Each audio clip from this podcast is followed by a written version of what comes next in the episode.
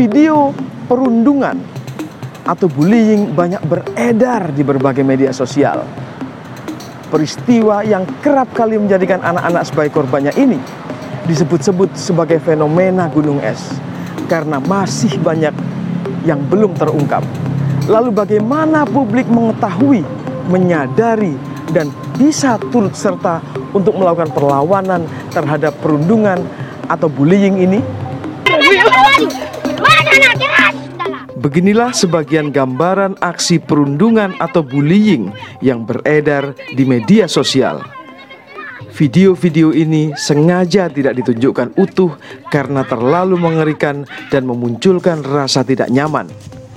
Tentu saja, semuanya tidak untuk ditiru dalam catatan Komisi Perlindungan Anak Indonesia KPAI sepanjang 2022 hingga September 2023 setidaknya terjadi 190 lebih kasus perundungan dengan anak-anak sebagai korbannya. Jumlah itu bukan tidak mungkin bertambah karena sebagaimana fenomena gunung es, kasus perundungan yang tidak diungkap jauh lebih banyak pemerintah menunjukkan keseriusannya dalam merespon kasus perundungan. Menteri Koordinator Bidang Pembangunan Manusia dan Kebudayaan Muhajir Effendi pada 3 Oktober 2023 ini meminta Polri lebih intens turun tangan mengatasi kasus semacam ini. Meskipun bagi korban perundungan, menyelesaikan kasus yang dialami bukan sesuatu yang mudah. Saya berbincang dengan Sri Pundati, penyintas kasus perundungan asal Semarang, Jawa Tengah. Saat itu memang saya tuh orangnya takut juga ya, takut kalau melapor ke orang tua nanti takutnya menambah masalah baru terus melibatkan orang tua antara orang tua. Nah saya tuh takutnya tuh masalahnya tuh jadi panjang. Jadi tuh kesalahan saya pada waktu itu saya hanya diam saja. Jadi orang tua keluarga pun tidak tahu. Nah itu yang menjadi kesalahan saya. Kenapa saya nggak lapor gitu ke orang tua saya gitu. Karena takutnya masalahnya jadi panjang seperti itu. Pihak sekolah bagaimana Mbak Bun? respon dari pihak sekolah tahunya tuh saya ketika mengalami bullying pada itu puncaknya itu saya mengalami bullying fisik. Nah, para guru tuh eh, tahunya hanya saya hanya bertengkar terus hanya memberi wejangan saja. Jadi tidak terlalu apa ya namanya uh, tidak tahu kalau itu tuh bullying gitu loh, Pak dia paling diberi wejangan, tidak boleh melakukan hal itu lagi. Seperti itu sih Bapak. Pada usia berapa Mbak pun menyadari bahwa itu ternyata bullying. Jadi saya tahu bahwa kejadian yang saya alami itu termasuk bullying ketika saya SMP. Saat itu saya kelas 2 SMP dan di sekolah saya tuh kebetulan ada program namanya pen, uh, tentang bullying itu yaitu programnya UNICEF Indonesia dengan Yayasan Setara. Nah, secara tidak sengaja dulu tuh saya terpilih menjadi kandidat dari agen perubahan. Tapi menurut Mbak Pun, anak-anak yang sekarang merasakan bullying itu kira-kira perasaannya gimana ya Mbak Pun ya? Dari sudut pandang saya tuh perasaannya pasti uh, sedih, takut, merasa dirinya rendah diri, tidak percaya diri, dan bahkan bisa saja merasa tidak berguna karena dia tidak dihargai oleh orang di sekitarnya. Seperti itu. Kalau dari ceritanya Mbak Pun, yang paling penting untuk membuat korban bangkit itu korban itu sendiri ya Mbak ya? Uh, gimana caranya bangkit? Juga dukungan dari lingkungan sekitarnya, misalnya keluarga. Misalnya kalau dia mengalami bully itu setidaknya dia berani ngomong, berani ngelapor, dan berani cerita sama orang yang dia percaya, Bapak. Mungkin anak-anak yang zaman sekarang juga juga sama. Mau ngomong nanti khawatir bapak ibunya marah, gurunya marah. Nah, kalau begitu gimana Mbak Bun? Salah satu cara yang bisa dilakukan apabila itu terjadi di sekolah, maka peranan dari stakeholder itu sangat penting Bapak selama dalam lingkungan sekolah mungkin guru bisa mengadakan tentang sosialisasi bullying. Nah, ciri-ciri apa saja sih yang dialami uh, orang yang membuli seperti itu. Nanti uh, akan di apa ya namanya diedukasi tentang bullying itu sendiri terus bagaimana cara melawannya bagaimana agar kita tidak menjadi korban bully itu sendiri. Dan pastinya kalau kita mengalami bullying itu kita tuh berani mengelapor paling sulit itu di bidang apanya sih Mbak Pun mempelaj apa mengajarkan tentang bullying itu menurut Mbak Pundati? Uh, mungkin paling sulit itu ketika mengimplementasikannya ya. Seperti kayak uh, melapor. Nah itu kan nggak semua orang punya keberanian untuk melapor. Jadi contohnya seperti saya tadi kan takutnya masalahnya panjang, membawa orang tua, nanti keluarga, lah nanti takutnya masalahnya tambah panjang seperti itu. Tapi kalau misalnya eh, apa tuh namanya kan kalau itu sudah di taraf yang parah bisa dikatakan, nah itu wajib harus melapor seperti itu. Komisioner Komisi Perlindungan Anak Indonesia KPAI, Margaret Aliatul Maimunah menilai ada beberapa faktor yang membuat jumlah kasus perundungan meningkat akhir-akhir ini. Uh, saya kira itu nggak bisa dilihat dari satu potret. Ah. Artinya itu ada banyak sisi yang kemudian memberikan pengaruh kenapa kasus ini menjadi semakin banyak. Misalnya salah satunya adalah dari faktor individu yang bersangkutan Hmm. Mungkin anak-anak ini dalam kondisi labil, gampang terpengaruh, hmm. tidak punya karakter yang kuat, memahami bahwa oh ini perbuatan yang positif yang boleh dilakukan atau ini perbuatan nggak baik yang nggak boleh dilakukan. Hmm. Mungkin hal kayak gini belum cukup kuat menjadi karakter yang bersangkutan. Yeah.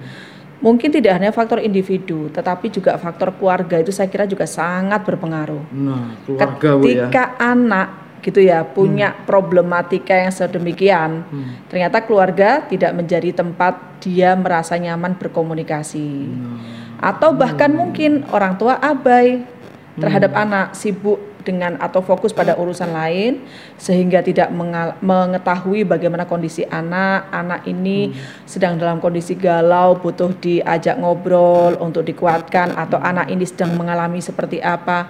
Orang tua ternyata tidak mampu menjawab ini. Ini bisa menjadi pemicu juga. Faktor lainnya bisa jadi karena teman sebaya.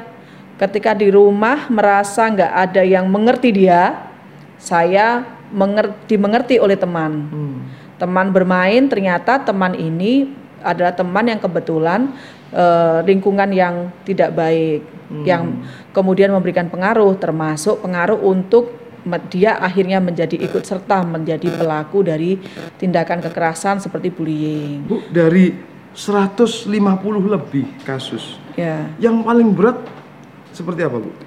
Ya, uh, saya tidak menganalisa satu persatu dari hmm, yang masuk ya, hmm, Pak ya. Hmm tetapi saya kira uh, hari ini apa namanya tindak bullying itu sudah cukup parah di anak-anak gitu. Karena anak-anak itu kan melakukan tindakan kekerasan fisik itu kayak udah nggak pikir bahwa hmm. yang dilakukan, yang ditendang, yang ditonjok, yang diapa-apain ini tuh manusia loh itulah hmm. temannya loh yang harusnya malah dicintai disayangi hmm. tapi malah kayak apa ya perilakunya udah menjadi kayak bukan seorang manusia gitu yang hmm. apa namanya uh, mestinya melakukan uh, praktek mengasihi menyayangi tadi gitu. Apakah ada yang sampai meninggal, Bu? Banyak. Di tahun ini? Uh, kalau tahun ini ada ya kayaknya ada yang uh, saya juga lupa nih, tapi hmm. beberapa kasus ada hmm. yang sampai mengakibatkan meninggal dunia. Oh ada uh, kemarin juga terjadi di pesantren hmm. di daerah Lamongan. Itu juga ada yang seperti itu. Hmm. Cuman persis kronologisnya saya kurang tahu, hmm. tapi ini terjadi terjadi agak mirip dengan kejadian yang tadi saya cerita. Hmm. Jadi ketika kemudian si anak ini dibawa ke rumah sakit, belum lama proses penanganan meninggal dunia. Hmm. Nah, polisi sudah mencurigai ada hal yang tidak beres dengan proses ini, akhirnya dilakukan penyelidikan. Oke, kalau penanganannya seperti apa sih, Bu? Bullying ini, Bu? Kalau penanganannya tergantung juga eh, pada apa namanya. Kalau KPI ini kan gini, KPI ini lembaga pengawasan, hmm. bukan lembaga penanganan, bukan lembaga layanan. Hmm. Jadi kalau misal dan KPI ini tugas melakukan pengawasan ini kepada anak hmm. terkait dengan perlindungan anak dan pemenuhan hak anak. Dalam hal anak-anak yang menjadi korban kekerasan, KPI akan memastikan Pertama, kondisi korban ini seperti apa? Pertama, tentu dia akan kita lihat dia mengalami kondisi luka fisik enggak. Membut, luka fisiknya dia ini membuat dia harus membutuhkan layanan kesehatan. E, misalnya apakah cukup dengan UKS saja hmm. atau perlu dibawa ke rumah sakit. Nah, KPAI memastikan bahwa anak korban yang sedang mengalami kondisi luka fisik seperti itu berarti butuh layanan kesehatan. Dipastikan dia mendapat pelayanan kesehatan pada kasus kekerasan itu kan yang paling berat ketika korban e, meninggal dunia ya. Hmm. Itu kan kasus yang terberat. Dan tentu juga e, ketika mengakibatkan korban meninggal dunia, ini kan sudah masuk pada proses hukum ya. Hmm. Misalnya e, ada ancaman pidana tujuh tahun ke atas karena menyebabkan adanya kehilangan nyawa. Hmm Nah, kalau pada kasus seperti ini, pelaku anak tentu akan berlaku yang namanya sistem peradilan pidana anak. Hmm. Kalau pelaku sudah berusia 12 tahun ke atas, ancaman pidananya 7 tahun lebih karena mengakibatkan meninggal dunia, hmm. tentu anak akan menjalani proses peradilan pidana. Director of Evidence and Learning Yayasan Save the Children Indonesia Tata Sudrajat mengingatkan penyelesaian kasus perundungan harusnya menyasar semua pihak yang terlibat. Penyelesaian hukum penting mempertimbangkan kondisi pelaku dan korban yang sama-sama masih anak-anak. Ya, bullying itu atau perundungan hmm. sebenarnya salah satu jenis kekerasan ya pada anak yang spesifik dilakukan oleh anak sendiri atau di antara anak gitu ya. Kalau kalau misalnya di pemberitaan yang muncul hmm. memang kelihatan fisik gitu ya, ya apalagi terakhir dari belakangan hmm. gitu ya. Tapi yang tidak diberitakan mungkin bisa lebih dalam kehidupan sehari-hari yang saya contohkan tadi, hmm. yang yang sederhana itu kan sering kali terjadi di hampir uh, semua anak-anak. Ya Tapi kan? efeknya kira-kira hmm. Gimana sih Pak kalau anak diperlakukan kayak gitu Pak? Ya sebenarnya kan uh, mau tidak mau kan bullying itu juga ada soal kalau teori bilang gitu ya, power imbalance gitu ya. Gimana itu maksudnya? power ya, kan, kan tahu power imbalance nih, itu ya. jadi jadi seseorang merasa lebih superior pada yang lain, lalu dia menekan gitu kan. Hmm. Oleh karena kelihatan kalau bullying itu selalu dilakukan misalnya atau pada umumnya dilakukan oleh orang yang lebih tua hmm, kepada okay. anaknya. Dia mempertahankan superiornya atau misalnya gengnya gitu ya. hmm. ya atau ya kekuasaannya dalam tanda kutip gitu ya. Atau mungkin juga dalam rangka mencari uh, apa namanya uh, kelompok-kelompoknya, memperbesar dan seterusnya kayak gitu ya. Sebenarnya kalau apa anak diperlakukan semacam itu, dibully hmm. itu hmm. atau apa pun lah ya, itu sebenarnya efek bagi anak gimana sih Pak? Ya jelas seperti itu kan uh, namanya juga orang atau anak direndahkan, hmm. dia akan merasa dikucilkan gitu ya, merasa rendah diri gitu ya tetapi kemudian juga mendorong dia akhirnya mungkin bisa bergabung dengan kelompok itu atau geng itu. Ya biasanya kan bullying grup gitu kan. Akan menjadi pelaku selanjutnya. Bisa jadi. Oh. Sebelum jadi pelaku mungkin dia semacam ya, ya, ya, ya. kompornya gitu. Nah ini dia nih. Bullying jangan hanya lihat pelakunya gitu loh. Hmm. Tapi siapa orang-orang yang terlibat di dalamnya yang ngomorin-ngomorin pelaku. Kalau kita lihat video-video ya, ya, ya, ya, ya, mungkin tindakannya di awal begini, begitu dikomporin orang lain melakukan, semakin meningkat terus gitu kan. Yang ngojok-ngojok nah, ini. Ngojok-ngojokin. Pernah ya bahkan perempuan korbannya kan? Iya, iya, iya. Yang lainnya terlibat segala macam terus meningkatkan pukulan-pukulan hmm. dan sebagainya kayak gitu. Nah, itu yang yang perlu diperhatikan gitu loh. Ah, oke. Okay. Kalau Bapak melihat selama ini kasus-kasus yang muncul di media sosial melalui video-video itu kebanyakan pelakunya, Pak ya. Kok pelaku dan korbannya yang ngojok-ngojokin ini ya. hampir dilupakan orang ya. Hampir dilupakan, jarang dibahas. Padahal itu sebenarnya yang mungkin yang yang memperberat uh, situasinya dan menurut saya ya harus harus di diperhitungkan, dipertimbangkan kalau misalnya lakukan perubahan terhadap anak-anak itu. Kalau secara hukum, Pak, ketika anak bermasalah, mm-hmm. dia menjadi pelaku, tapi juga ada yang korbannya. Mm-hmm. Ini ada yang bilang pihak sekolah, pihak orang tua segala macam itu juga harus dipersalahkan karena sampai membiarkan anak dalam kondisi yang tidak aman. Nah, ya gitu gimana? Ya anak-anak itu kan memang anak-anak yang sedang tumbuh kembang ya, berbeda dengan orang dewasa. Hmm. So apa yang ditampilkan anak-anak itu adalah cermin dari perlakuan orang-orang uh, dewasa, mulai dari di rumah, hmm. di sekolah terhadap anak-anak itu gitu ya. Hmm. Nah pada batas tertentu sebenarnya kan itu betul-betul menjadi tanggung jawab penuh orang tua. Sampai pada batas tertentu mungkin anak harus bertanggung jawab sendiri gitu ya di dalam undang-undang uh, apa sistem peradilan pidana anak pun hmm. gitu ya 12 tahun kan hmm. udah bisa di, diproses secara hukum kayak gitu tapi juga harus dilihat soal apa sih uh, tindakannya gitu ya hmm. kalau tindakannya termasuk ke apa dengan ancaman hukuman berat hmm. nah itu otomatis juga akan berlanjut uh, prosesnya seperti dalam pembunuhan perkosaan dan seterusnya yang biasanya dilihat uh, dari ancamannya lebih dari enam tahun atau enggak. Oke, jadi kalau ada peristiwa melibatkan pelaku anak-anak umurnya di bawah 12 tahun, di bawah, ya. maka maka boleh dilakukan uh, diskersinya itu. Diskersi itu perdamaian oh, antara kedua belah okay. pihak. Jadi kedua orang tuanya diundang nih, di mediasi. Oh, ya. Oh, okay, okay, okay. Tapi sering kali beberapa kasus salah satu orang tuanya nggak nerima. Kalau di atas 12 tahun, Se- Sebenarnya masih masih masih masih bisa juga, masih bisa dibuka ya. Tapi tergantung misalnya uh, bentuk kekerasannya apa, atau dalam bahasa hukumnya yang ringan atau atau tidak kayak gitu. Ya ringan mungkin misalnya olok-olok di antara mereka gitu ya, Oke, ada atau perkelahian biasa kayak gitu ya, yang apa namanya ancamannya tuh nggak nggak nggak lebih dari enam tahun gitu. Itu bisa, di, Bisa, masih ya. bisa di apa istilahnya itu ya? Ya Kekeluargaan lah bisa. asal dua-duanya damai gitu kan, Asal selesai. dua-duanya, Pak. Nah. Ke- Yang tidak bisa. Yang tidak bisa kalau salah satu pihak eh, ingin terus secara proses hukum ya lanjut.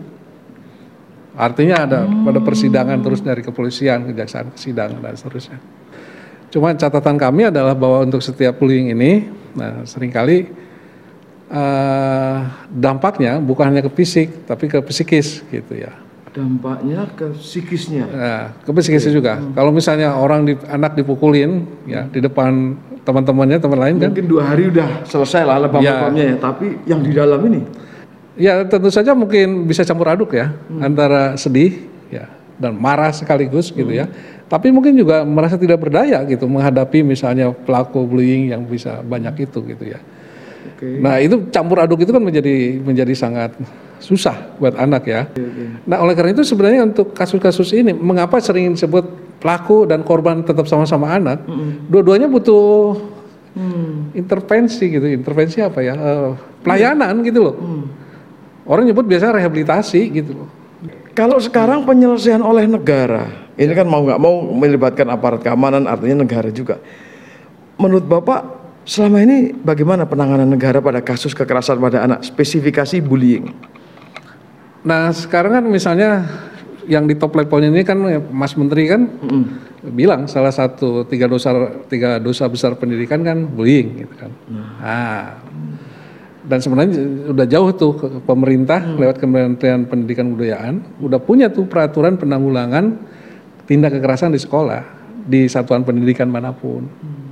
Tinggal itu dijalankan dan sebenarnya kan sudah ada beberapa program yang kami mengetahuinya juga misalnya di ada di Jakarta, di Bandung dan sebagainya. Dan menarik yang diajarkan itu sebenarnya bukan bagaimana langsung mengatasi kekerasan, kembali ke dasar yaitu bagaimana anak-anak diajari tentang kesantunan. Mengingatkan kembali Mengajari, oke. mengingatkan kembali bahwa misalnya harus berterima kasih ketika ada seseorang yang membantumu, Mengajarkan untuk berterima Oke. kasih. Ya. Oke. meminta maaf kalau ada kesalahan. Ah, itu kan kadang-kadang nggak berani kan bilang. Hal- kecil, Hal kecil Pak. tapi kadang-kadang susah untuk meminta maaf kan. Tapi begitu apa dia, efeknya? Iya. efeknya kan dia mengakui kesalahan dan juga menghormati orang yang mungkin dia perlakukan nggak salah gitu ya.